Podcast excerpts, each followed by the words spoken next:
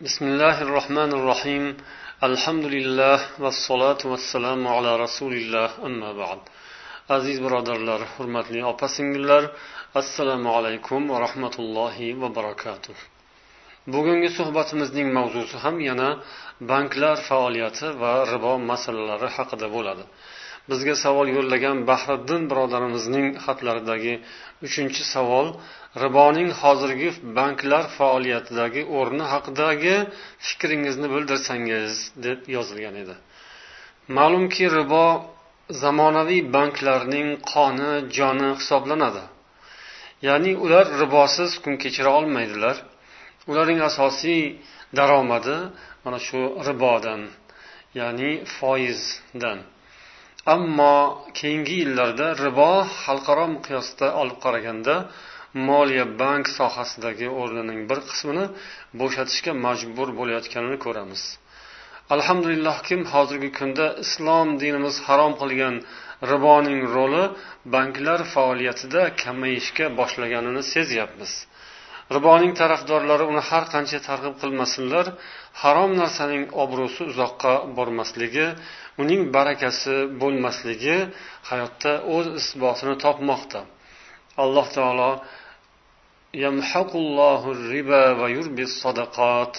degan baqara surasining o'ttiz uchinchi oyatida olloh riboning barakasini o'chiradi sadaqotlarni barakasini ziyoda qiladi degan. Ana shu parvardigor olamning so'zini haq ekanini biz hayotda ko'ramiz. Unga iymon keltirmaganlar ishonmasalarda ammo mo'minlarning e'tiqodi iymonlari bunga mustahkam va hayot bu narsani mana shu haqiqatni o'zi vaqti soati bilan isbotlaydi ko'rsatadi. riboning o'rni pasayib borishining moddiy sabablari haqida quyiroqda gapiramiz hozir esa riboning obro'sizlanayotganining asosiy sababiga to'xtalamiz asosiy sabab alloh taoloning so'zi alloh ribo haqida nima degan أعوذ بالله من الشيطان الرجيم الذين يأكلون الربا لا يقومون إلا كما يقوم الذي يتخبطه الشيطان من المس ذلك بأنهم قالوا إنما البيع مثل الربا وأحل الله البيع وحرم الربا. فمن جاءه موعظة من ربه فانتهى فله ما سلف وأمره إلى الله. ومن عاد فأولئك أصحاب النار هم فيها خالدون. يمحق الله الربا ويربي الصدقات. vallohu la yuhibbu kulla kaffarin asim. Ribo yeydiganlar qiyomat kuni o'rinlaridan xuddi shayton bog'ayotgan odam kabi turadilar. Buning sababi ularning bay ham ribo kabidir deganlaridir. Olloh bayni halol qilgan riboni esa harom qilgan. Balki kimki robbisidan mav'iza kelgandan so'ng to'xtasa ya'ni ribodan to'xtasa o'zgan ishlari uning foydasigadir. Uning ishi allohga havola. Kimki yana qaytib shu yo'lga kiradigan bo'lsa ba'zi unday insonlar jahannam ahli bo'ladilar va o'sha yerda abadiy qolajaklar. Alloh riboning barakasini o'chiradi sadaqotlarni esa ziyoda qiladi. Olloh uning ne'matlariga noshukurlik qiladigan har qanday kofir va gunohkor kimsani yaxshi ko'rmaydi deydi. Ya'ni baqara surasining ikki yuz yetmish beshinchi ikki yuz yetmish oltinchi oyatida mana shunday ogohlantirishlarni olloh yuborgan. Bu oyatning tafsirida imom tabariy aytadilar shayton ya'ni shayton uni bo'g'adi. Degan ma'noda uning oxiratdagi ahvoli bu dunyoda xuddi shayton bo'g'ib shayton yopishib aqldan ozdirgan odam kabi bo'lib qoladi deganlar. Ya'ni bu olamda kimgaki agar hayotlik paytida jin tegsa nauzubillah demak uning ahvoli og'irlashadi ko'rinishdan aqldan ozgan odamga o'xshab qoladi. Ba'zilar jinni deb aytishadi jinni degani shu jin mm, ilashgan odam degani aslida arabchadan tarjima qilganda. Demak bu dunyoda ana shunday narsaga baloga giriftor bo'lgan odamning holi qanday bo'ladi? Yomon holat nauzubillah alloh asrasin. Qiyomat kuni ularning ah, ahvoli ya'ni ribo yegan insonlarning ahvoli ana shunday bo'lib qoladi. Ibn kasir rahimaulloh aytadilarki qiyomat kunida u inson ya'ni riboxo'r inson judayam xunuk holatda o'rnidan turadi.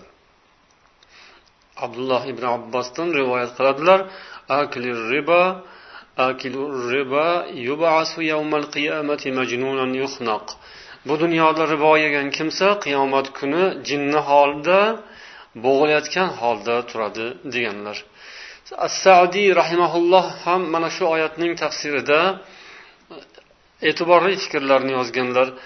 U kishi aytadilarki bu dunyoda innamal riba deganlar. Ya'ni bay ham riboga o'xshagandi deb bayni olloh halol qilgan bayni yerga urgan ya'ni savdo sotiq halol tijoratni yerga urgan kimsalar o'sha halol tijoratni yerga urib o'zlarining baylarini e, obro'sini oshirishga uni targ'ib qilishga harakat qiladilar va bu bilan ular aqllarini ishlatmaydilar. Aslida bu narsa noto'g'ri ya'ni bay savdo sotiqni kamsitish riboni esa hurmatlash bu aqlga to'g'ri keladigan ish emas. Buning o'zi zamiri. Noto'g'ri ish bu. Lekin shuni aqllarini shunga ishlatmagan yoki o'zlarini bilmaganga solgan odamlarga olloh o'zlarining qilmishlariga muvofiq munosib jazo beradi. Ya'ni bu dunyoda aqlni ishlatmagan yoki bilib turib o'zini bilmaganga solgan odamni olloh oxiratda aqlni olib qo'yadi. Bu dunyoda o'zini shunday go'llikka soldimi? Oxiratda olloh uni jinnilarga o'xshatib o'rnidan turg'azadi. Bu dunyoda har qancha o'zini aqlli fahmlagan har qancha boyib ketgan milliarder bo'lib ketgan bo'lsa ham oxiratga borganda demak u shunday xor bo'lgan holda o'rnidan turadi deb tavil qiladilar. Ribo haqida rasulullohning ham ogohlantirishlari juda ko'p bo'lgan. Sahih buxoriyda beshinchi jildda keladi. Payg'ambarimiz sollallohu alayhi vasallam tushlarida ko'rgan holatni sahobalarga hikoya qilib berganlar. Ana shunda ikki farishta payg'ambar alayhissalomni sayr qildirganini va ana shu sayrlari davomida bir daryo labiga borganlarini aytadilar. U daryo qon daryosi edi. Uning o'rtasida bir odam suzib yurgan edi. Chetda esa daryoning ikki chetida esa ikkita odam turadi. Daryoning chetida demak bir odam turadi. Uning yonida bir to'p tosh bor. Haligi daryo ichida qon ichida suzayotgan odam jon holatda talpinib qirg'oqqa intiladi qirg'oqqa kelib chiqaman degan paytida qirg'oqda turgan odam qo'lidagi tosh bilan haligi odamning og'ziga qarab uradi. Og'ziga kirib keladi tosh shundan orqaga qaytadi. Yana birozdan keyin yana qirg'oqqa intiladi. Yana tosh bilan u uriladi. Bu kim deb so'raganlarida keyinroq farishtalar bu odamni dunyoda ribo yegan riboxo'r odam ekanligini aytadilar. Demak bu ogohlantirishlar musulmonlar uchun nihoyatda jiddiy masala. Musulmonlar uchun ribo harom ribo nihoyatda haromligi hadislarda nihoyatda qattiq ta'kidlab keltirilgan ribo o'zining eng yaqin kishisi bilan zino qilgandan ham ko'ra qattiqroq gunoh ekanligini payg'ambarimiz sollallohu alayhi vasallam ta'kidlaganlar. Shuning uchun musulmonlar dinlarga amal qiladigan insonlar ribodan hazar qiladilar. Ular ribodan uzoq bo'ladilar. Ana shu mo'minlarni halol pokizalik bilan umr o'tkazishga harakat qiladigan ya'ni oz bo'lsa ham balkim foydasi kamroq bo'lsa ham ba'zan foyda bo'lib ba'zan zarar bo'lsa ham oddiy tijorat ishlari yoki muzoraba kelishuv bilan tijorat qilish kasbu kor qilish halol mehnat qilish yo'li bilan halol umr kechirishga odatlangan mo'min musulmonlarning ishlari mana shu solih amallarning sharofati bilan olloh ularga yordam beradi nusrat ato qiladi. Mana shu demak moliyaviy iqtisodiy ishlarda ham alloh taolo albatta mo'min bandalarga yordam beradi va bu yordamni mana biz hayotimizda hozir ko'ryapmiz. Endi mana shu o'rinda biz islomiy moliya tizimining dunyodagi bugungi holatiga nazar tashlasak o'rinli bo'ladi. Bbc xabariga ko'ra bugungi kunda islomiy moliya tizimida bir necha yuz milliard dollar mablag' bor. Ammo boshqa ma'lumotlar bundan ham ko'ra qiziqarliroq. Islom news ma'lumotiga qaraganda esa mutaxassislar hisob kitob qilib chiqishgan. Bugungi kunda arab investorlarining o'zi arab investorlarining xorijdagi banklarda saqlanayotgan mablag'lari sakkiz yuz milliard dollardan ortadi. Yaqin sharq mintaqasidagi uch yuz ming millionerning mablag'i esa bir o'nda to'rt trillion dollarni tashkil qiladi. Yana shu saytning maqolasida yozilishicha yaqin sharq mintaqasidagi musulmonlarning mablag'larining jami yigirma besh trillion dollarni tashkil qiladi. Endi siz bularning yoniga islom dunyosi jahondagi asosiy boyliklar manbai ekanini ham qo'shing.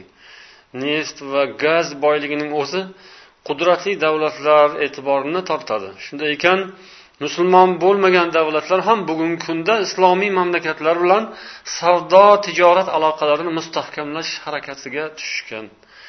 Musulmonlar esa ma'lumki ribodan hazar qilishadi.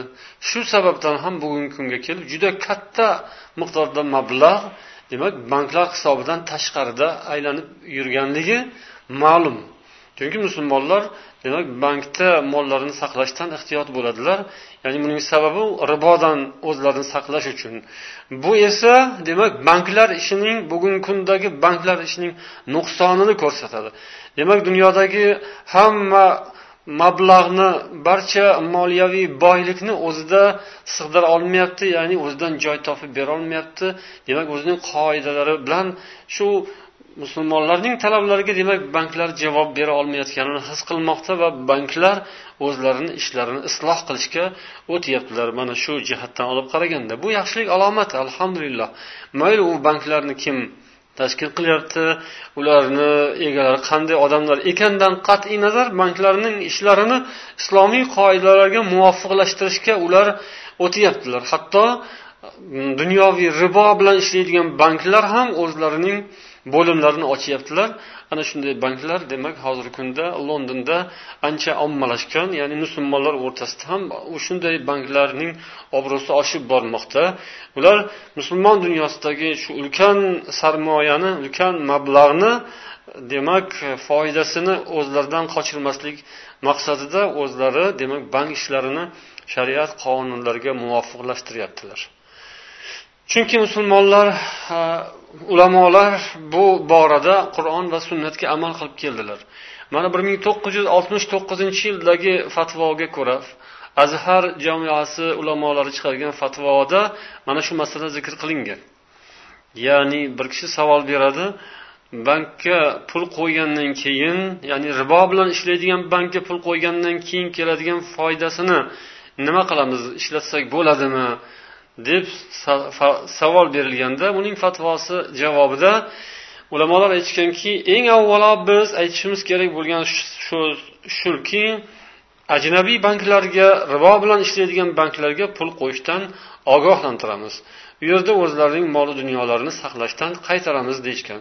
Oltmish to'qqizinchi o'tgan asrning bir ming to'qqiz yuz oltmish to'qqizinchi yilda chiqargan chiqarilgan fatvosi. Demak bunday fatvolar juda ham ko'p. Demak ulamolar hammalari bu ishdan qaytarishgan ya'ni banklarda pulni saqlashdan. Chunki olloh qur'onda qaytargan payg'ambarimiz haromligini e'lon qilganlar shunday ekan musulmonlar ollohning kitobiga payg'ambar so'ziga amal qilishadi va amal qilib kelishdi va mana bugungi kunda olloh ularga ana shu amallari solih harakatlari tufayli o'zining nusratini yordamini ato qilyapti desak bo'ladi. Ya'ni banklar o'zlarining ishlarini isloh qilyaptilar. Yana boshqa fatvolarda ham shu narsa takrorlanadi. Lajnaudaimaning fatvosida ya'ni doimiy e, qo'mitaning fatvosida ham aytadilarki la yajuzul illa ribo bilan ishlaydigan banklarga o'zining mablag'ini qo'yish joiz emas. Illo majbur bo'lgan holatda zarurat yuzasidangina joiz bo'ladi. U yerdan beriladigan foydani esa olish mumkin emas. Agar kimki shuni bilmasdan olib qo'ygan bo'lsa demak bilmasdan shu narsaga kirishgan bo'lsa yoki zarurat yuzasidan mablag'ini bankka qo'ygan bo'lsa uning chiqadigan foizini olib u o'zidan xalos qilish kerak. Uni hech qaysi bir loyihalarga biror bir savobli ishlarga ishlatib bo'lmaydi illo eng muhtoj o'rnini topib faqirlarga berib qutulish kerak deb aytishgan. Yana boshqa ulamolar ana shunday foizdan kelgan mablag'ni sadaqa qilish bilan savob umid qilish kerak emas deyishgan. Balki o'zini gunohdan qutqarish uchun o'zini shunday bir harom narsadan tezroq xalos qilib olish uchun uni eng kambag'alni topib nihoyatda holi tang bo'lgan odamlarga topib berib yuborishni aytishgan. Mana shunday qilib demak e, sizning savolingiz ya'ni banklarning bugungi e, holati bugundagi riboning ahvoli haqidagi savolingizga mana shu javoblar bo'lsa kifoya qilsa kerak deb o'ylaymiz. Alloh barchamizga tavfiq hidoyat bersin. Ana shu banklarni ham ishini boshqarayotganlarga ham allohdan hidoyat so'raymiz. Mo'min musulmonlarga parvardigori olam halol pokiza rizqu nasiba ato etishini so'rab qolamiz. Vassalomu alaykum va rahmatullohi va barakatuh.